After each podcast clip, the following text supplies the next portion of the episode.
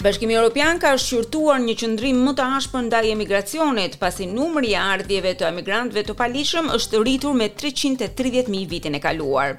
Por konsensusi mund të jetë i vështirë mes njëzet e shtatë vendeve anëtare, të cilat kanë propozuar mendime të ndryshme në lidhje me kontrollin e kufinjve. Ndjekim raportin. Bashkimi Europian ka nevojë për politika më të ashpra ndaj emigracionit. Kriza e refugjatëve të vitit 2015 është ende në memorien e të gjithëve, po arritja e konsensusit mes 27 vendeve të bllokut është e ndërlikuar. Vitin e kaluar, vendet europiane morën numrin më të madh të emigrantëve që nga viti 2016, e kjo ka nxitur që ministrat të ringjallin ide të diskutueshme, përfshirë këtu ngritjen e mureve nëpër kufinj dhe qendra azili jashtë kontinentit. Komisionerja e Çështjeve të Brendshme të Bashkimit Europian, Ylva Johansson, thotë se sistemi është nën presion serioz. Many member states are under huge pressure, especially for the reception capacity and for also an. Shumë shtete anëtare janë nën presion të madh, veçanërisht në lidhje me kapacitetet e pritjes, sidomos tek bëhet fjalë për shqyrtimin e kërkesave për azil. Njerëzit që vijnë këtu nuk kanë nevojë për mbrojtje ndërkombëtare, ata e përdorin mikpritjen tonë, aplikimin për azil, për të vonuar qëndrimin e tyre.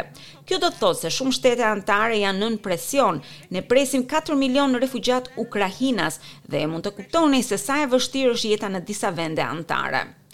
Kjo vjen dhe për shkak se ardhjet e parregullta janë rritur në nivelin treqind e tridhjetë mijë vitin e kaluar dhe numri i kërkesave për azil ishte nëntëqind e njëzet e shtatë mijë. Zonja Johansson thotë se emigrantët pa të drejtë azili duhet të kthehen në vendin e tyre. that effective returns is one of the most E dimë se kthimi në vendin e origjinës është një nga stimujt më efektivë për të parandaluar ardhjet e parregullta të atyre që nuk kanë nevojë për mbrojtje ndërkombëtare.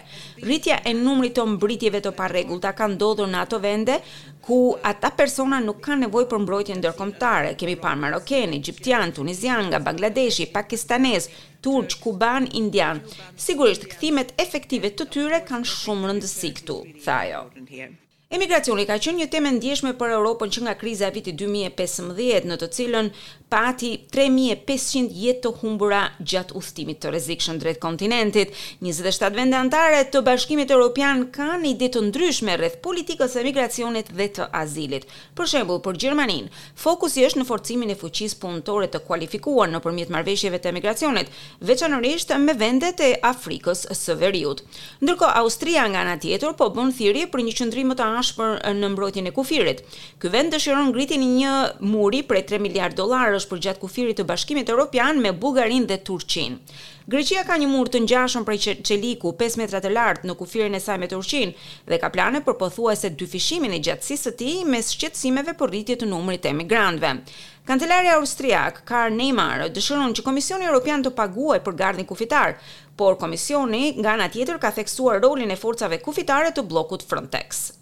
Ekzekutivi i ri për Forcat Kufitare Europiane Frontex, Hans Leijtens, javën e kaluar u zotua për të dhënë një transparencë më të madhe dhe për t'i dhënë një fund të praktikave të cilat do t'i kthenin refugjatët e vërtetë në vendin e tyre të origjinës.